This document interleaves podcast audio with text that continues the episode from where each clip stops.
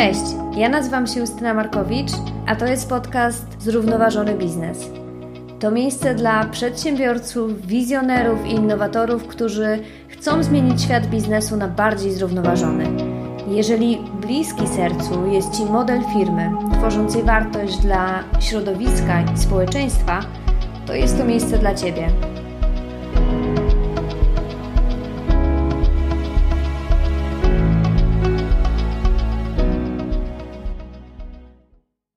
Cześć! Dzisiaj odcinek dotyczący fundacji korporacyjnych, czyli temat niełatwy, bo mamy zarówno zwolenników, jak i przeciwników fundacji e, korporacyjnych. I to, co warto powiedzieć na samym początku, to to, że dobrze, że firmy oprócz generowania zysków chcą pomagać. Jednocześnie dotychczasowe działania wielu fundacji korporacyjnych wpisuje się w cały obszar społecznej odpowiedzialności e, biznesu i to, co widzimy już teraz, to to, że klasyczny CSR nie pomaga mm, zrealizować e, i zaadresować wyzwań, e, które stoją przed światem i nie równoważy tych szkód, które biznes wyrządza. I fundacje korporacyjne są częścią tej, e, tej całości. I wie, dla wielu osób fundacje korporacyjne albo część fundacji korporacyjnych ma głównie cele PR-owe, które są ważniejsze od, od realnego pozytywnego wpływu. Fundacje korporacyjne są też e, krytykowane za brak spójnej strategii. Takie fundacje zajmują się wszystkim, od zdrowia poprzez edukację,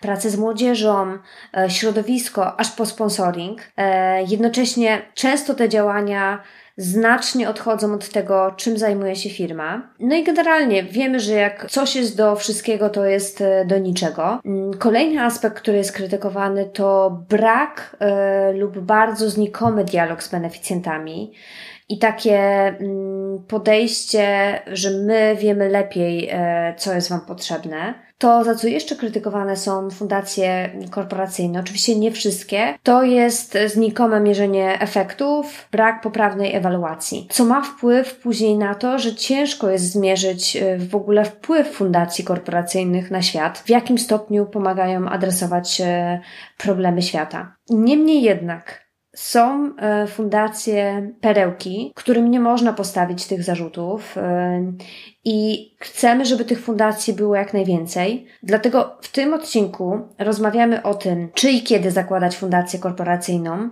w jakim kierunku idą e, współczesne fundacje korporacyjne, jakie elementy są ważne, gdy myślimy o założeniu fundacji, o tym, jak tworzyć partnerstwa z samorządami lokalnymi, i o tym, jak angażować pracowników w wolontariat pracowniczy. Moja dzisiejsza gościni, Kamila Szarejko, jest z wykształcenia prawniczką, która po praktykach w niemieckiej kancelarii na samym początku swojej kariery pracowała przez 3 lata e, dla Business Angela e, jako project managerka.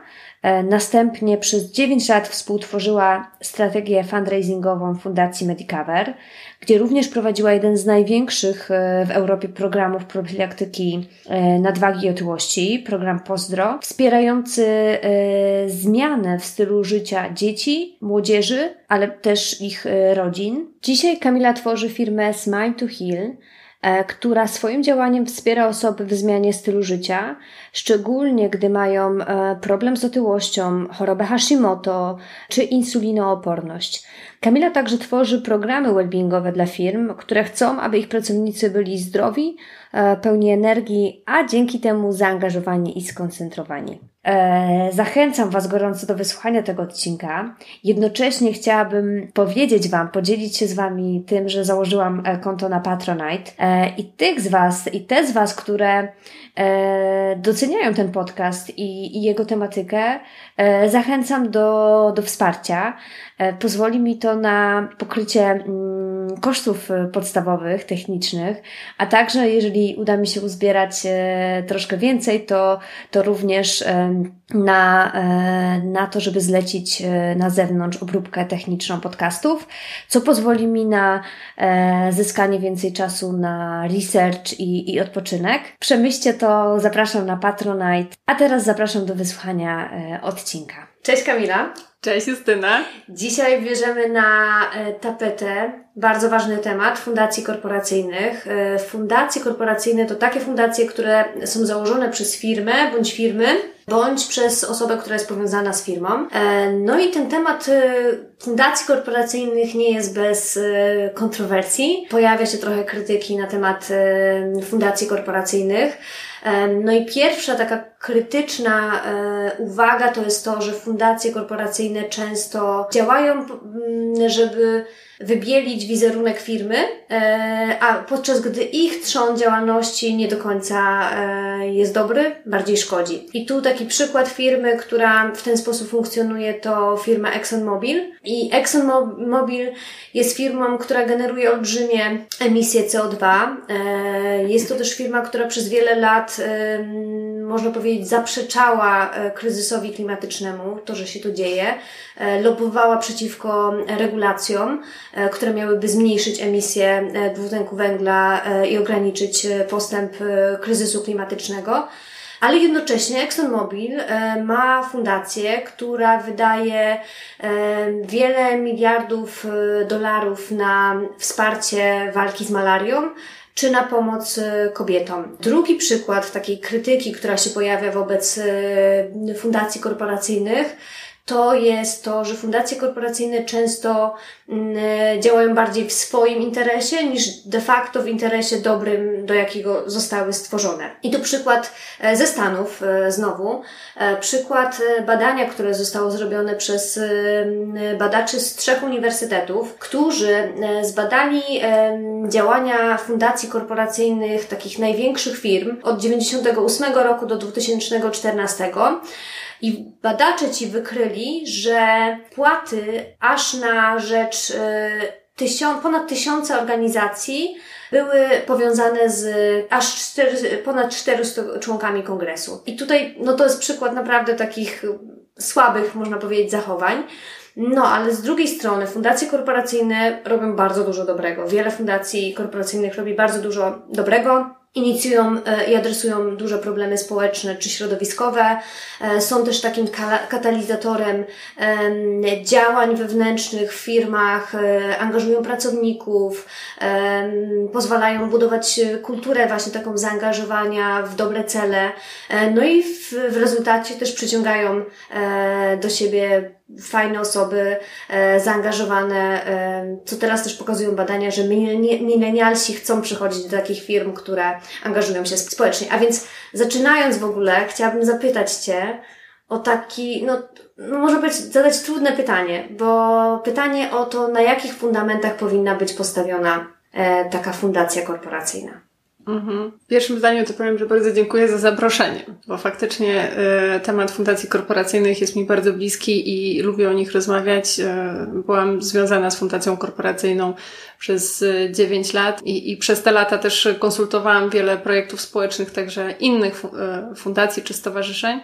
Jest to, jest to mega mi bliski temat i też chyba przez te lata pracy w tym temacie trochę pozbawiłam się takiego idealizowania świata, jak to powinno być, versus jak jest dobrze, kiedy jest niezbyt perfekcyjnie być może, ale nadal, nadal spełnia to swoją funkcję. E, ty podałaś e, jeden przykład fundacji, która korporacyjnej, która powiązana jest ze spółką i która jest z kolei widziana w sposób nie do końca taki e, oczywisty jako zrównoważona, mhm. tak to nazwijmy.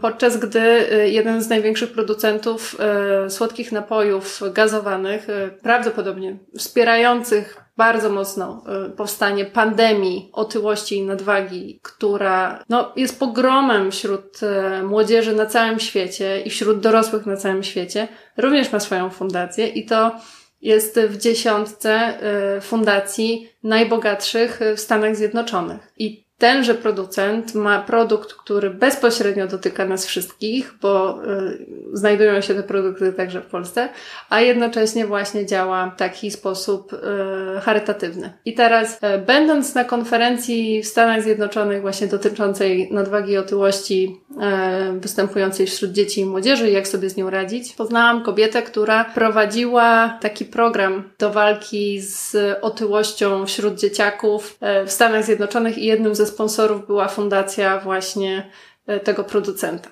No i to był czas, kiedy ja patrzyłam bardzo ideowo e, na świat fundacji mhm. i wydawało mi się to jakimś w ogóle kosmosem, że jak to? To, czyli e, grupy AA będą wspierały browary albo inne firmy, producenci alkoholi, czy też rzucanie papierosów, ulubiona marka papierosów. E, więc podeszłam do niej i zapytałam grzecznie, ale jednak z takim zdziwieniem, to jak to jest możliwe? I ona powiedziała mi bardzo ciekawą i, i ważną rzecz. Powiedziała po pierwsze, że pamiętaj, że te pieniądze, które zostały wydane na powstanie tej fundacji korporacyjnej i na wspieranie potem innych działań, które są naprawdę potrzebne, jeżeli nie na tą fundację i nie na te działania, zostaną wydane na PR albo na badania, które będą zaprzeczały czemuś, o czym wszyscy wiemy, że trzeba przeciwko temu działać. Mhm. Więc to jest jeden z pierwszych argumentów. Drugi argument jest taki, że My dzięki tym pieniądzom możemy uczyć nie tylko jak pić wodę, ale możemy też uczyć różnych innych kompetencji życiowych i te dzieci, i tą rodzinę. Czyli te pieniądze spełniają nie tylko funkcję taką jakby przeciwstawną temu, co, co producent produkuje, ale również działa naprawdę y, w sposób społeczny na inne y, umiejętności i możliwości. I to mnie trochę przekonało, że y, nie można patrzeć chyba na ten świat korpo i fundacji korporacyjnych w sposób zero-jedynkowy. Jest tak, że korporacje muszą myśleć o zysku. Powołują fundacje po to, żeby coś zmienić, inwestują pieniądze i tworzą tak zwaną inwestycję społeczną. Coś, co jest mierzalne, coś, co można ewaluować, i to jest ogromna wartość takiego działania, bo w przeciwieństwie do innych organizacji pożytku publicznego, często spotykamy się z tym, że przez to, że te organizacje są niedofinansowane, to ciężko dopatrzyć się dobrego raportowania, takiego raportowania, które by pozwoliło wyobrazić sobie jakiś problem, i też te fundacje korporacyjne są jednak prowadzone w sposób bardzo profesjonalny, e, mocno transparentny. Więc e, ja bym nie była tak e, nastawiona zupełnie zero-jedynkowo na, tą, na, na to, że te fundacje korporacyjne jakby one muszą być jakoś konkretne. One zawsze będą działały według prawa, które w danym kraju jest ustanowione. W Polsce wiadomo, według jakich działań fundacje korporacyjne mają działać.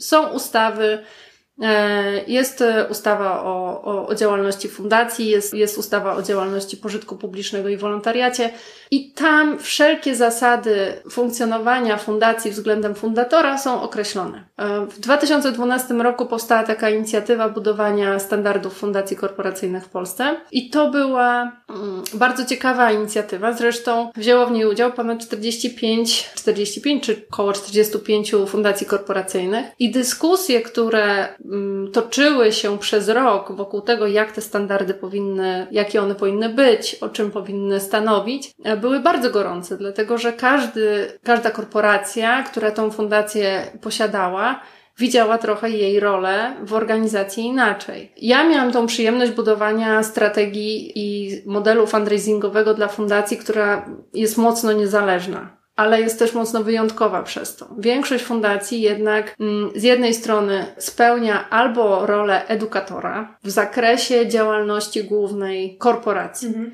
Tak. Czyli jeżeli ja mam e, e, produkt, który musi być e, recyklingowany, mam potrzebę nauczenia moich klientów, konsumentów tego, że od dzisiaj będziemy recyklingować, bo za chwilę zmieni się prawo, które na mnie wymusi, no to musimy się z tym pogodzić, że, że czasami rola tej fundacji taka jest. Mhm. Ona jest powiązana trochę z tym, że korporacja zarabia pieniądze, musi przynosić zyski i jakby tutaj budować ten kapitał.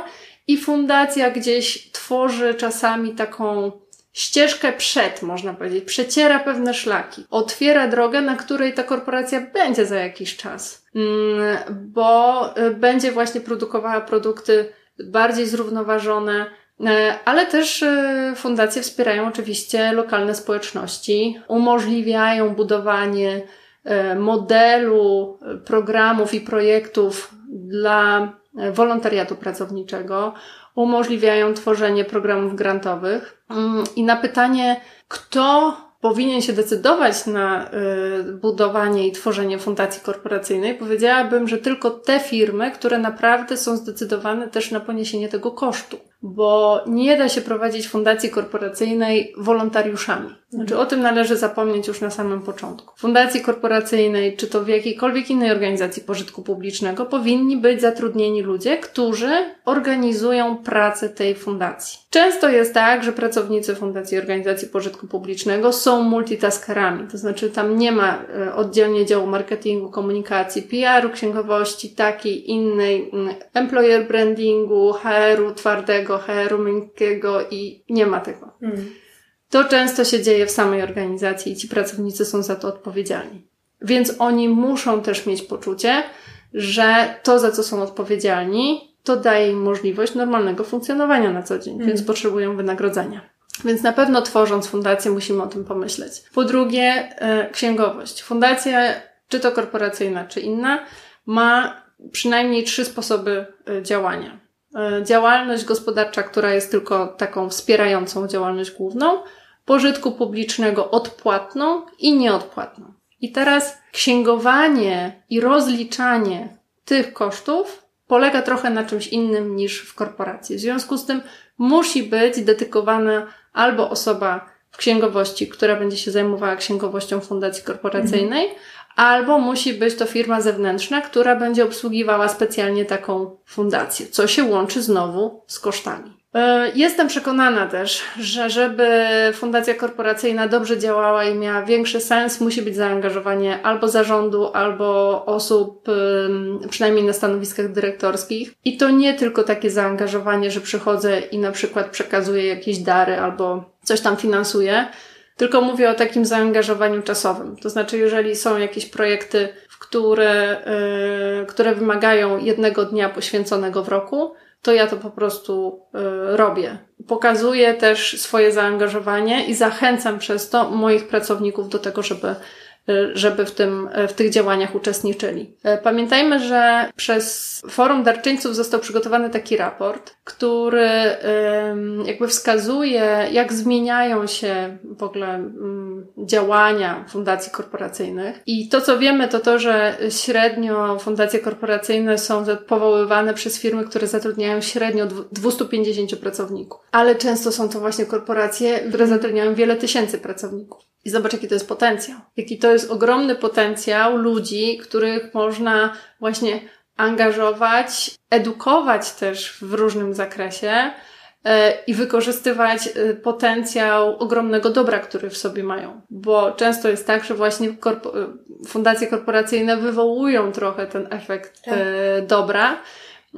I dzięki temu zmienia się atmosfera w firmie odnosimy sukcesy, ale robimy też e, inne rzeczy, które pozwalają nam e, po prostu poczuć się dobrze, bo jak dajemy, to też robimy to dla siebie. I myślę, że to jest taka odpowiedzialna decyzja. E, ja jestem bardzo ciekawa, co będzie po tym kryzysie, bo największy boom na tworzenie fundacji korporacyjnych był w latach 2010-2012 w Polsce. I co ciekawe, w 2008 roku przecież zaczął się kryzys. Mhm tendencja do budowania programów CSR-owych w Stanach Zjednoczonych powstała po kryzysie na początku XX wieku. Więc kryzysy wywołują też zmianę mocną myślenia i patrzenia na to, jakie firmy mogą mieć wpływ na otoczenie, na to, co się dzieje, jak to się zmienia.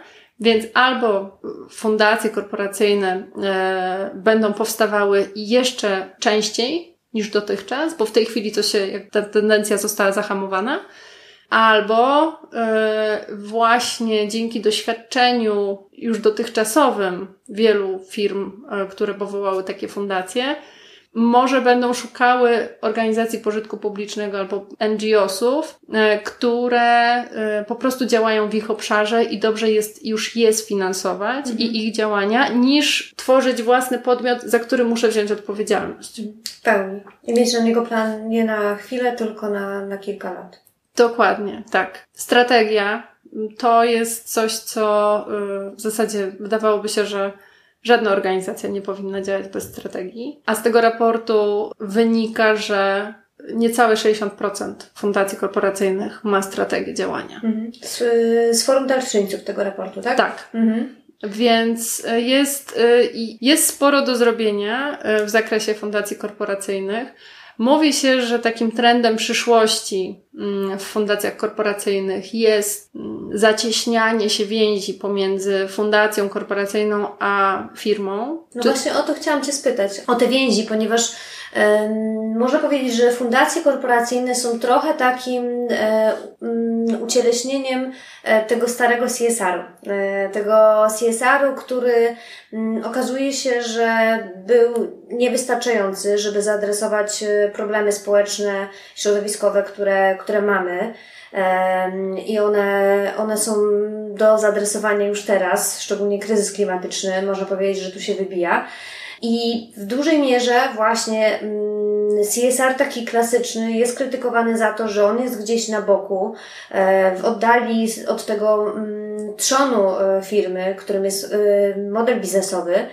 No i właśnie jak to połączyć? Jak połączyć to, to, że firmy powinny się zmieniać i powinny zmienić swój trzon działania z tą działalnością fundacji korporacyjnych? Ja bym powiedziała tak, że w ogóle jeżeli myślimy o CSR-ze to było, było takie błędne przekonanie, ale to niektórych firm. Mhm. Bo, bo to nie, nie, nie, ja nie, nie myślę, że to jest standard w Polsce. Jak patrzę mhm. jednak na, mamy świetne przykłady y, firm, które są y, i odpowiedzialne społecznie i jednocześnie mają fundacje korporacyjne i firma ma to w swoim DNA. I jest jeden bank w Polsce, który robi to fantastycznie, ale przykład idzie od góry. Mają super prezesa, który super naprawdę w to wierzy. Mhm. Hmm? Tak, super lidera mają.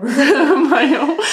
E, I, e, no i jest jedna telefonia, która ma świetnie działającą fundację korporacyjną i e, naprawdę ta fundacja się rozwija fantastycznie razem właśnie z DNA firmy, ale jest to firma, która jest świadoma tego, że za chwilę będzie e, konieczne raportowanie spójne właśnie tego, co materialne z tym, co niematerialne, czyli takich działań społecznych, szukanie tego kapitału innego niż tylko kapitał finansowy. I oni zresztą swoim raportem wygrali y, konkurs na najlepszy raport zintegrowany. Tak, rozmawiamy o Fundacji Orange. Jak możemy mówić brandami, to tak, Fundacja Orange.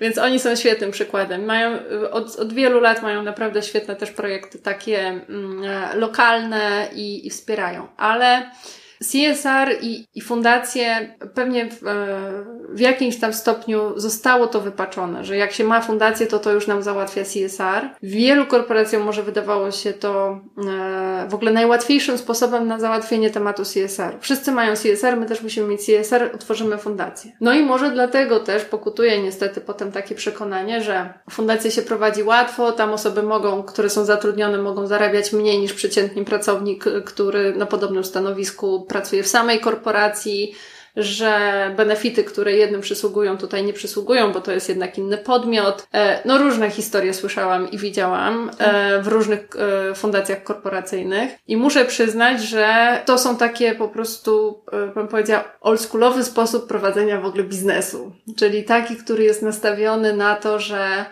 Najważniejszy jest jednak nasz zysk dla właściciela, dla udziałowców, a cała reszta to musimy tak zrobić, żeby tak wyglądało, że robimy, a trochę nie robimy. Mm -hmm. Mamy też trochę taką tendencję patrzenia na CSR w ogóle i na działalność firm z perspektywy Warszawy, która jest bardzo myląca, bo to, co się dzieje w Warszawie i to, że CSR-owych programów i projektów w Warszawie jest całe mnóstwo, to jest prawda czy też fundacji korporacyjnych, e, tutaj jest też najwięcej, to jednak warto zwrócić uwagę, że wiele firm, które świetnie sobie radzą finansowo, są w mniejszych, a są w mniejszych miejscowościach, fundacji korporacyjnych w ogóle nie mają, nie mają żadnego CSR-u. Nawet tego oldschoolowego, o którym mówił e, profesor Rok, że już jest pase. Ja się z nim mhm. zgadzam, że po prostu już no, nie ma miejsca na ten stary CSR, tylko jak nie ma żadnego CSR-u, to, to tam jeszcze jest sporo rzeczy do zrobienia. Tak.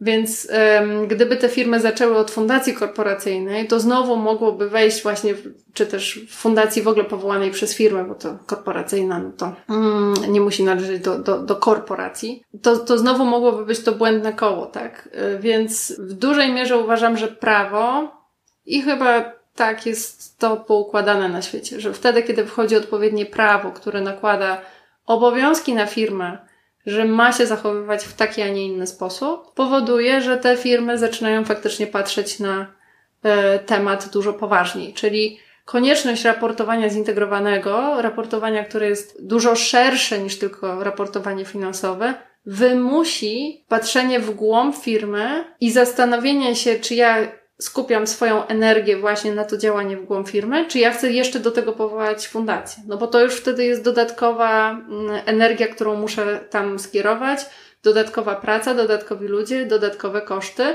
dodatkowe inwestycje społeczne, ale jednak e, inwestycje. E, czy też e, przekazywanie środków na działania. Więc mówi się, że przyszłość jest taka, że, że fundacje korporacyjne będą te, które już istnieją będą coraz bliżej współpracować e, z firmami. W moim odczuciu będzie to coraz bardziej taka synergia połączenia właśnie edukowania klientów, pokazywania klientom też takiego innego oblicza, bo zmienia się też model fundraisingowy e, fundacji korporacyjnych. W Stanach Zjednoczonych fundacje korporacyjne głównie jednak finansowane były przez głównego fundatora, czyli pieniądze pochodziły od dużych producentów albo firm farmaceutycznych, bo w pierwszej dziesiątce fundacji korporacyjnych najbogatszych są głównie fundacje e, należące do firm farmaceutycznych albo producentów żywności, albo sieci handlowych. I e, jak się popatrzy na to z perspektywy fundraisingowej, czyli skąd posiadają środki, no to w Stanach były to głównie te firmy. W tej chwili mówi się, że ten model też się będzie zmieniał i będzie to synergia, czyli łączenie klienta i tego, ile on płaci za produkt i przekazywania części tej kwoty na fundację. Czyli będzie tworzenie takich społeczności i pewnie te społeczności i może dlatego też w employer brandingu posiadanie fundacji korporacyjnej, która działa skutecznie mhm. jest ważne. Mhm bo dla ludzi zaczyna być ważne to, z czym się mogą zidentyfikować, w czym mogą wziąć udział i już wiedzą, że to nie chodzi tylko o przekazanie złotówki, tylko przekazanie złotówki w bardzo konkretnym celu. Mm, tak, takie, takie dobre zainwestowanie, bo też um, pewnie e, obserwujesz takie fundacje, które właśnie zajmują się głównie sponsoringiem, I, I tak naprawdę no, nijak to jest powiązane z ich działalnością, tak? Więc e, myślę, że też taka tendencja będzie, że tak jak powiedziałaś zresztą, że będzie się to łączyć bardziej z tym, czym firma się zajmuje i z takim uzupełnieniem, czy takim dodaniem wartości dla społeczności. E, no ja mam taką nadzieję, więc, więc super, że, że tymi trendami się podzieliłaś. Wspomniałaś już o tym, mm, kiedy firma może pomyśleć e, nad stworzeniem e, własnej fundacji. E, przede wszystkim, jeżeli ma zagwarantowany kapitał na to i, i ma pomysł na to. Czy coś jeszcze przychodzi Ci do głowy? Ja myślę, że ważne są też e, intencje. Po co ja chcę taką fundację tworzyć? Bym powiedziała, że jest jakby model taki, można sobie zrobić warsztat, jak, czy ja potrzebuję fundacji korporacyjnej. Po pierwsze, dlaczego chcę ją stworzyć, co ja potrzebuję, jakie, co, co dzięki temu zyskam jako y, firma, organizacja. Czy mam na to budżet? Czy jestem gotowy ponieść te koszty, które są związane z prowadzeniem fundacji? A następnie, jaki mam pomysł na te programy, które będę prowadzić? Czy to jest po to, żeby stworzyć program wolontariatu pracowniczego? Czy to jest po to, żeby wspierać jakąś konkretną e, instytucję albo sieć instytucji, które wymagają takiego wsparcia finansowego, czy ja chcę właśnie edukować. I ta intencja jest bardzo ważna, e, dlatego że no można sobie zrobić e, przy złej intencji, jeżeli ktoś szuka na przykład takiego e, dodatkowej e, nogi dla PR-u albo dla marketingu, no to prędzej czy później taka, taki fałsz w tym działaniu zostanie um, może być zidentyfikowany. Ja zidentyfikowany. Nawet, ja nawet mam tak, że to, wydaje mi się, że najbardziej i najszybciej będzie zidentyfikowany przez własnych pracowników. Przez własnych pracowników, ale też przez otoczenie.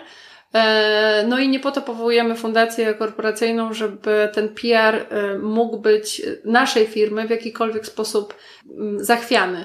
E, podam jeden przykład. Znam firmę, która produkuje meble, nie ma własnej fundacji, zdecydowała się na działanie razem z agencją PR-ową, żeby przekazać, ponieważ była nadwyżka tych mebli, przekaże je instytucjom, które są takimi instytucjami potrzebującymi.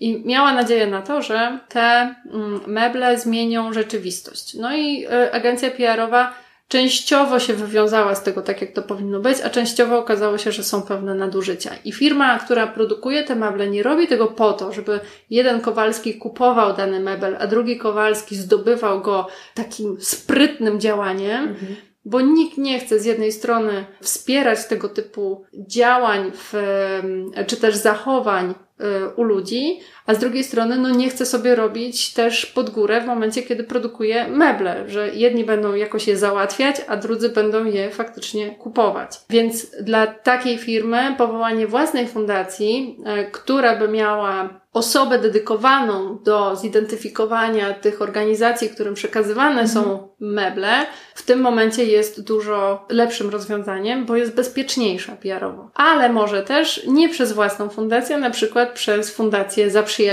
tego typu e, realizację, tego typu zadania przeprowadzić. Mhm. Więc myślę, że to jest w dużej mierze, wtedy powołujemy fundację, kiedy naprawdę widzimy, że już na to firma jest gotowa, albo właściciel jest na to gotowy i ma taką gdzieś tam wewnętrzną potrzebę, że to jest ten moment, a potem wykona pewną pracę, i najlepiej wykonać tą pracę nie z agencją PR-ową, która w zasadzie zajmuje się takimi projektami społecznymi gdzieś tam przy okazji, tylko albo znaleźć faktycznie agencję, która się zajmuje tylko i wyłącznie projektami społecznymi, albo specjalistę, który, bo na polskim rynku jest już coraz więcej e, naprawdę świetnych i strategów takich społecznych, i ludzi, którzy znają e, te wszystkie niuanse związane z nadużyciami też w projektach społecznych, ale też właśnie znajdowaniem benefitów i dla korporacji, i dla fundacji, bo przecież to jest fantastyczne, że korporacja chce się swoją filantropią pochwalić, mhm. bo o to też w tym wszystkim chodzi, żeby inspirować otoczenie. Ja się chwalę, że robię coś dobrego,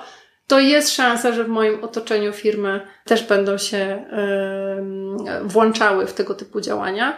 E, co zresztą widzieliśmy takie, te, tego typu sytuacje e, wśród firm budowlanych. Jak jedna firma budowlana się włączała w odnowienie jakiegoś ośrodka, to za chwilę druga, trzecia, czwarta też chciała się w to włączyć, no bo to już było wiarygodne. Przez tą jedną firmę to powodowało takie, taką mhm. um, sytuację domina. Tak, ja, ja też y, mam to samo doświadczenie z obserwacji firm, które sprzedają farby. Też jakoś się mi kojarzę, że pracownicy malują przestrzenie.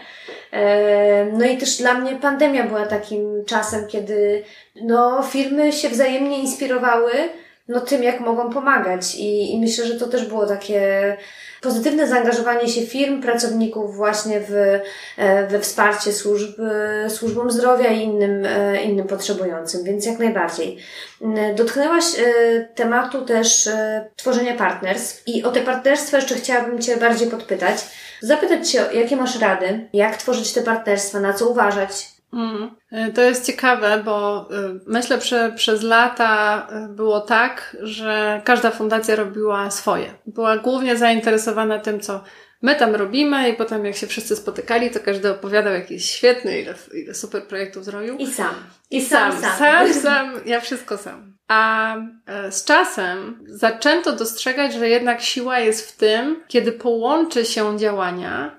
Nie mówię, że firm konkurencyjnych, chociaż takie inicjatywy też powstają. Mhm ale y, są korporacje, które nie są konkurencją dla siebie i jednocześnie mogą się bardzo dobrze wspierać w realizacji różnych ciekawych projektów. I obie firmy, czy trzy, czy cztery, wszystkie, które się zaangażują w dany projekt, mają szansę na to, żeby stworzyć swoją własną historię PR-ową do tego, tak żeby y, móc mieć też ten pozytywny impact i na swoich pracowników, i na y, innych, inne grupy, które są wokół firmy czy z firmą powiązane. To, co jest, mi się wydaje też ciekawe, że coraz częściej samorządy otwierają się na partnerstwa z fundacjami korporacyjnymi, szkoły się otwierają i Co ciekawe, rośnie też świadomość e, bardzo tego, czego można wymagać od takiego partnerstwa, bo e, pamiętam jeszcze, kiedy jeden z producentów słodkich serków prowadzał na przykład panią, która była ubrana w taki biały kitel, tutaj było na piersi logo, no i opowiadała o zdrowym odżywianiu. I oczywiście jest tam taki, takie myślenie o tym, że jest pewien mm, jednak przekaz podprogowy, co się ze zdrowiem łączy, mhm. a co nie. I dzisiaj dyrektorzy szkół już są świadomi tego, że no, tego typu działania to chyba nie, ale jeżeli by były naprawdę dobre materiały edukacyjne, to chętnie. I zaczyna być, dzięki temu, że zaczyna być większa świadomość, to te partnerstwa są też takie, znaczy jeden zły przypadek już nie wywraca myślenia o partnerstwach do góry nogami, mhm. że wszyscy się go boją. E, świetne są partnerstwa z samorządami, świetne są e, partnerstwa między e, samorządami zarówno takimi terytorialnymi, e, miastami, gminami, e, z fundacjami korporacyjnymi, ale też samorządami zawodowymi, które e, również zaczynają się uczyć, że dzięki fundacji korporacyjnej, dzięki wsparciu, dzięki temu, że fundacje mają bo są korporacyjne, to mają bardziej profesjonalną komunikację nawet na zewnątrz, to mogą też z tego czerpać i korzystać. Samorządy terytorialne też korzystają z tych różnych atutów, jakie fundacja korporacyjna posiada, a z drugiej strony fundacji korporacyjnej też będzie łatwiej realizować projekty dzięki temu, że jest wpuszczona jakby na teren, mówiąc w cudzysłowie, y, za pozwoleniem i przyzwoleniem na przykład prezydenta miasta albo wójta czy burmistrza. Są też nadużycia, jasne, e, ale patrzmy na te e, dobre przykłady, bo to one potem dają e, standard, według którego te partnerstwa mogą być budowane. A jak, jak w ogóle się zabrać za takie, bo wspomniałeś, zaciekawiły mnie te partnerstwa właśnie z samorządami. Mhm masz doświadczenie, jak w ogóle zacząć budować takie partnerstwo? Od mhm. czego? Jakie kroki podjąć? My budowaliśmy bardzo dużo tego typu partnerstw. Ja też budowałam dużo tego typu partnerstw w ogóle w, w całej swojej historii zawodowej związanej z e, fundacjami korporacyjnymi i na pewno trzeba sobie zasłużyć na e, zaufanie. To znaczy, dzisiaj jest już łatwiej, co nie oznacza, że każde działanie będzie przyjęte z otwartymi ramionami. Warto najpierw, jeżeli mamy pomysł na projekt i program, to warto przedstawić argumenty, które mówią o tym, że ten projekt i program jest potrzebny i jest potrzebny w danej gminie, w danym mieście, w danej społeczności. Musimy mieć na to zrobione albo badania, albo przywołać e, opinie ekspertów, stworzyć coś, co faktycznie będzie pokazywało nasze też dobre intencje. Z drugiej strony, warto pokazać, w jaki sposób samorząd czy też społeczność lokalna może skorzystać dzięki temu, że taki projekt, taki program się e, zadzieje. I bym powiedziała, żeby pamiętać, że jakby sama e, fundacja jest e, trochę na końcu, co nie oznacza, że należy zapominać też o swoich jakichś takich potrzebach, na przykład właśnie pokazywania wizerunku, czy też robienia wspólnie konferencji prasowej, bo mm. to zawsze też wpływa pozytywnie na dany projekt. Często to wymaga czasu. To znaczy czas, który, y, w którym działa korporacja w ogóle, jest czasem często przyspieszonym. E, czas, w którym y, pracuje fundacja, jest czasem przyspieszonym. Czas, w którym e, działa samorząd, jest czasem normalnym. I teraz te dwa światy muszą się połączyć. I one, jak się będą łączyć, to czasami na początku będzie tam trochę piasku w tym łączeniu. Znaczy, mhm. będzie zgrzytało. Ale potem, jak się jedni i drudzy nauczą siebie nawzajem, to zaczyna być to coraz y, łatwiejsze. To, że urzędnicy mają zbyt dużo zadań względem własnego stanowiska, to to znamy, bo w korporacji jest podobnie.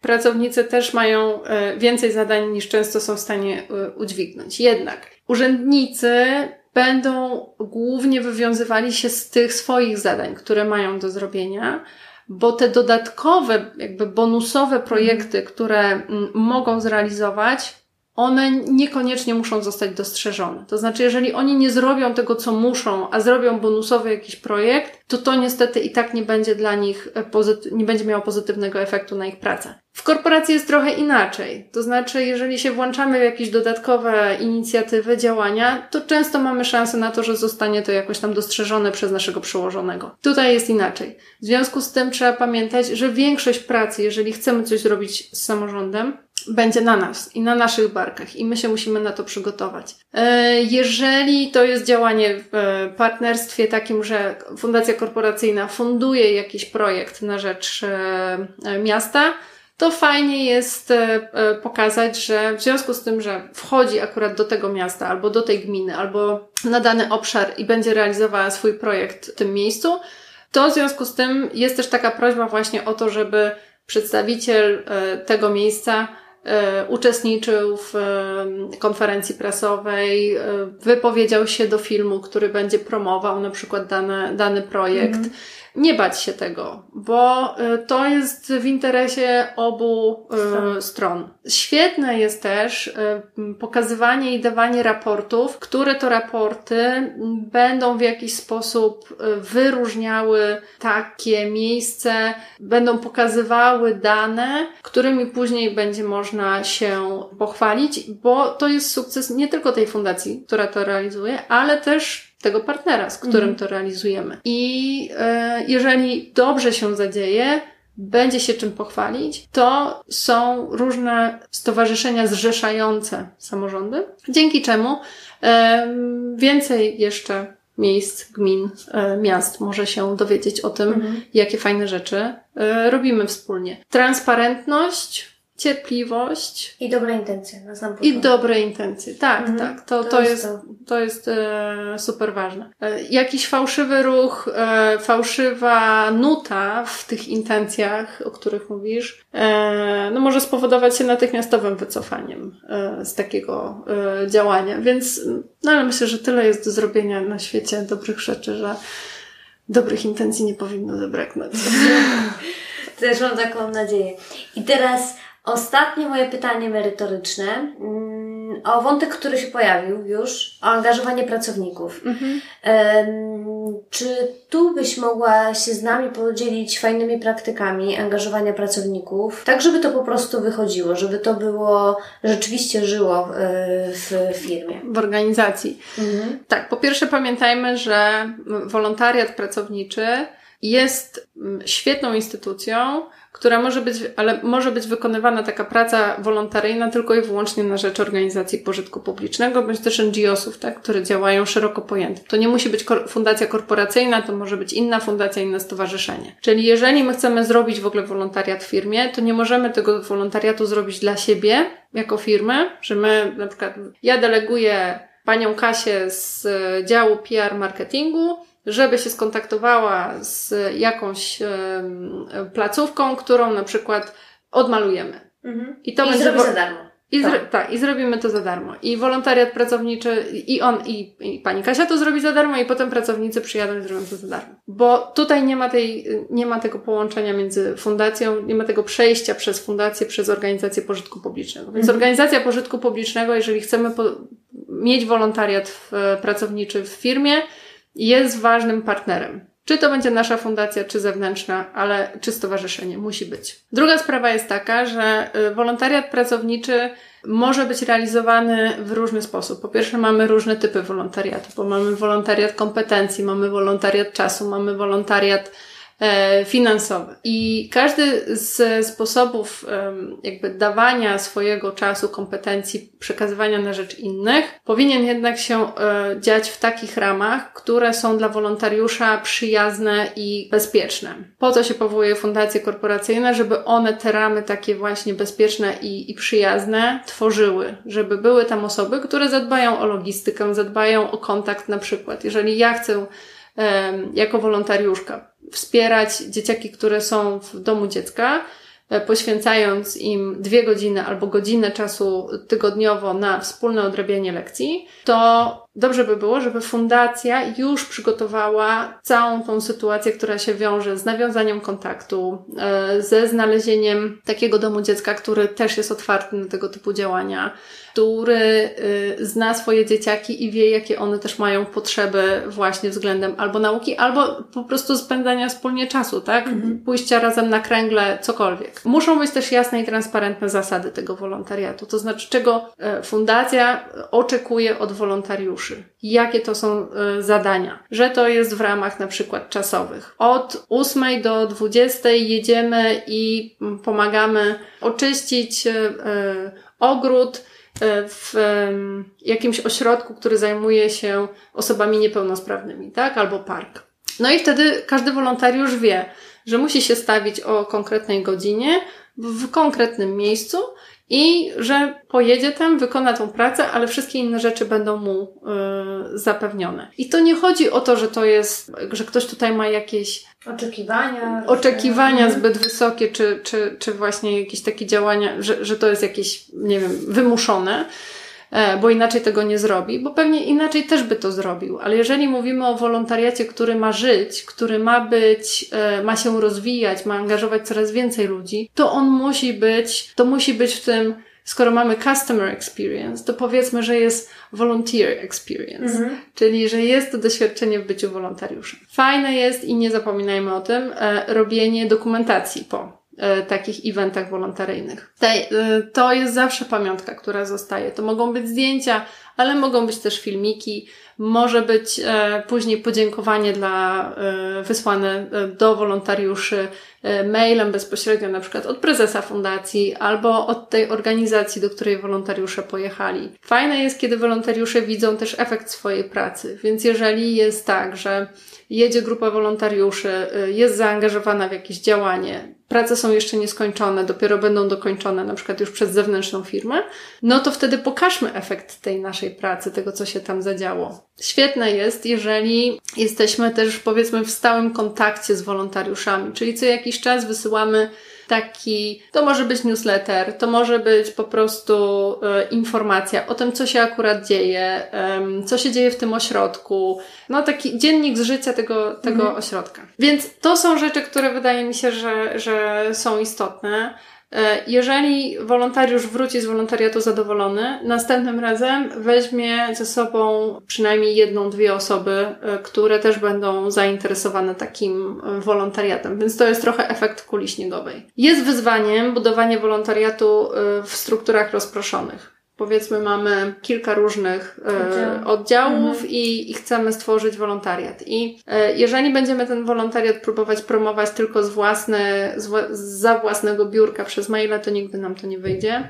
Warto jest zrobić rundkę, pojechać do oddziałów, opowiedzieć o tym, czym się zajmuje fundacja, bo często fundacje y, y, działają wewnątrz organizacji, ale mocno opierając się o relacje, o budowanie właśnie takiego zaangażowania. W fundacjach korporacyjnych często pracują ludzie, którzy naprawdę lubią swoją pracę i odnajdują się w niej, więc angażowanie innych jest dla nich zupełnie naturalne. A jak mogą opowiadać o tym, co fajnego robi fundacja, mhm. to już są w ogóle zachwyceni. Więc y, myślę, że zrobienie takiej rundki właśnie po oddziałach y, raz na dwa lata byłoby fajnym sposobem też na angażowanie pracowników. E, tworzenie mm, programów grantowych. Czyli, że my jako firma e, budujemy taki model, w którym ustalamy zasady, e, że przeznaczamy na każdy projekt na przykład 3000 zł e, i wolontariusz, który chciałby na swoim terenie coś do fajnego zrealizować na rzecz swojej społeczności, przedstawia projekt zgodnie z naszymi wytycznymi. No bo mogą być projekty, które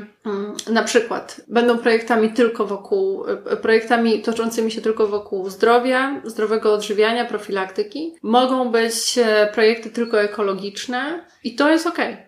Jeżeli firma w swojej strategii ma też takie działania, na przykład wewnątrz do pracowników, że edukuje w tym zakresie, to łatwiej w ogóle będzie też pracownikom później korzystać z takich materiałów po to, żeby taki wolontariat tworzyć na swoim terenie. Na co warto zwrócić uwagę, tworząc taki projekt, to już pewnie mm, wymagałoby to dodatkowego podcastu mhm, e, i tak. dodatkowej godziny bo to też e, właśnie wymaga często doprecyzowania, na co dokładnie te środki mogą pójść, na co nie, kwestie wynagrodzeń i, i, i potem rozliczania faktur i, i, i tego, co zostało zakupione z tego grantu. Ale jest to fajna forma. Ale znowu, żeby zaangażować pracowników w taki program, nie wystarczy tego wrzucić na intranet i powiedzieć, że fundacja coś takiego robi musi być do tego komunikacja, musi być um, e, sposób e, przekazania tej informacji, szczególnie jeżeli na przykład większość pracowników nie ma tendencji do e, sprawdzania codziennie poczty z tej swojej e, korporacyjnej. Mhm. Albo sprawdza tą pocztę korporacyjną, ale między klientami i ma tylko na przykład mm, w sumie około tam, 30 minut w ciągu dnia, żeby szczytać maile, bo, bo właśnie cały czas obsługuje tych, którzy przychodzą. Bierzmy na to poprawkę. Wykorzystujmy też plakaty w pokojach e, socjalnych. Niech ta komunikacja będzie trochę inna niż typowa e, komunikacja korporacyjna, Często musi być tak, że ona jest w tych kolorach, które, które są e, w ramach normalnej takiej komunikacji korporacyjnej, ale niech ona ma trochę inny wymiar. Albo niech będzie cieplejsza, albo niech będzie, niech będzie inna. Bo tu chodzi trochę o pokazanie e, tego drugiego oblicza przecież mhm, korporacji. Tak. Więc jeżeli ma być to inne oblicze, to dajmy też szansę na to, żeby to, to oblicze się pokazało. Jeżeli są e, e, duże korporacje międzynarodowe, e, angażujące swoich pracowników w projekt też międzynarodowy, to pojawiają się rozwiązania innowacyjne z wykorzystaniem aplikacji. Pojawiają się też aplikacje, które e, pokazują różne projekty i programy, w które się po prostu możemy zaangażować. I fajnie, jeżeli te projekty są nie tylko e, nasze, lokalne, ale na przykład są też międzynarodowe. Mhm. Świetnym rozwiązaniem jest to, żeby pokazywać to, że ta nasza wspólna praca razem tworzy jakiś wynik i też pokazywać właśnie w tej aplikacji, jak to nasz, ten nasz wpływ pozytywny rośnie, tak? No bo wtedy widzimy ten namacalny, można powiedzieć, rezultat naszego zaangażowania. Więc mm. to mhm. też wydaje mi się, że było,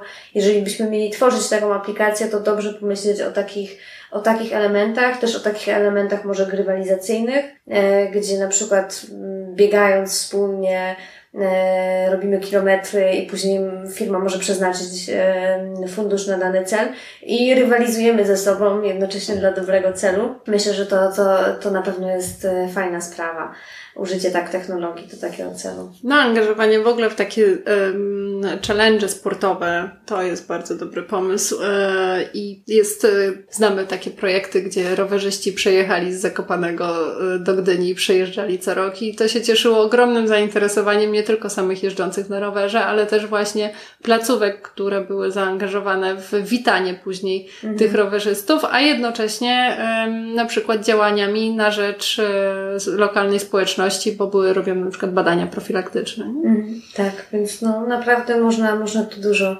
e, działań zrealizować. Kamila, bardzo, bardzo Ci dziękuję za, e, za te odpowiedzi. Jeszcze chciałabym na koniec zadać Ci pytanie o to, co aktualnie robisz, e, gdzie Cię można znaleźć e, i jakie masz plany na przyszłość. Aktualnie mm, nadal konsultuję y, projekty społeczne i wspieram osoby, które y, myślą o założeniu fundacji albo stowarzyszenia.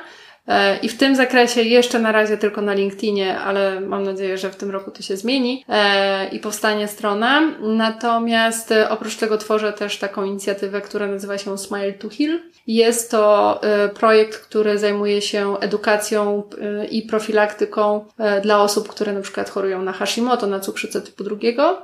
I wychodząc od lekarza, dostają oprócz recepty takie zalecenie, to teraz proszę się lepiej odżywiać, więcej ruszać, wysypiać e, i e, żyć bezstresowo.